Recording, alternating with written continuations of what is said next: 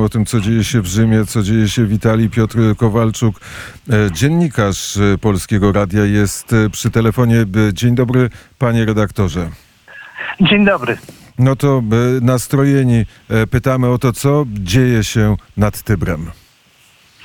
No, z punktu widzenia koalicji centroprawicowej, która przejmie władzę, dzieje się nie najlepiej. Wczoraj, przy okazji wyboru przewodniczącego Senatu, doszło do no, po prostu otwartego rozłamu w tej koalicji. Y, Czy co się stało?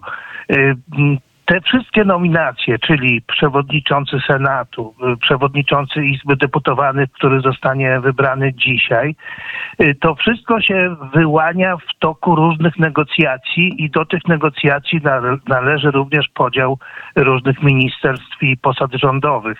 Wiadomo, że w, w takiej sytuacji zawsze gdzieś tam pod dywanem odbywa się walka bulldogów o zdobycie jak największej ilości terenu, czyli y, du- sporej ilości ważnych stanowisk. Y, Te y, negocjacje nie poszły najlepiej.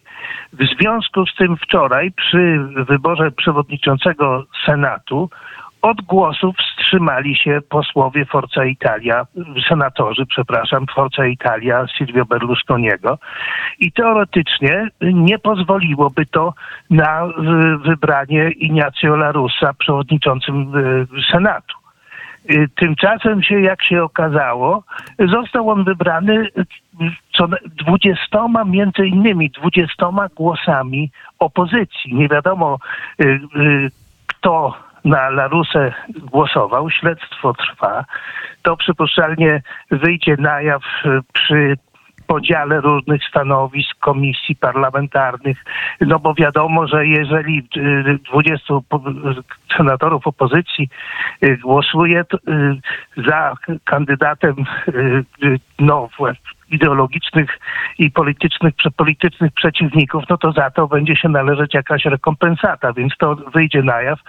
No ale stała się rzecz bardzo niedobra, dlatego że przy pierwszej okazji pokazania przez koalicję centroprawicową, jacy jesteśmy zjednoczeni, silni, mocni, jak się kochamy, jak będziemy pięknie prowadzić y, Italię, czy wyprowadzać z kryzysu, doszło do takiego zgrzytu. Teraz wszyscy tutaj oczekujemy z dużym niepokojem, co się będzie stało, działo dzisiaj. Bo dzisiaj o 10.30 rozpocznie się posiedzenie Izby Deputowanych, gdzie będzie wybrany y, też przewodniczący, więc nie wiadomo, co zrobi Forza Italia, y, czy będzie przeciw, czy za. Zobaczymy, ale nie są to y, z punktu widzenia trwałości, przyszłości tego rządu, który powstanie, y, jakieś y, no, znaki dobre. A powstanie nowy rząd? No, wszyscy mamy nadzieję, że tak, że rozsądek polityczny jednak zwycięży i Berlusconi w jakimś sensie pogodzi się z tym, że nie jest wodzem centroprawicy, bo przestał nim być. Wodzem jest w tej chwili y, dynamiczna pani Giorgia Meloni Y, i jeśli się z tym pogodzi, to wszyscy tutaj po prawej stronie y, sceny politycznej włoskiej mają y, na to nadzieję, ale Berlusconi się robi trochę mało przewidywalny, ma 86 lat.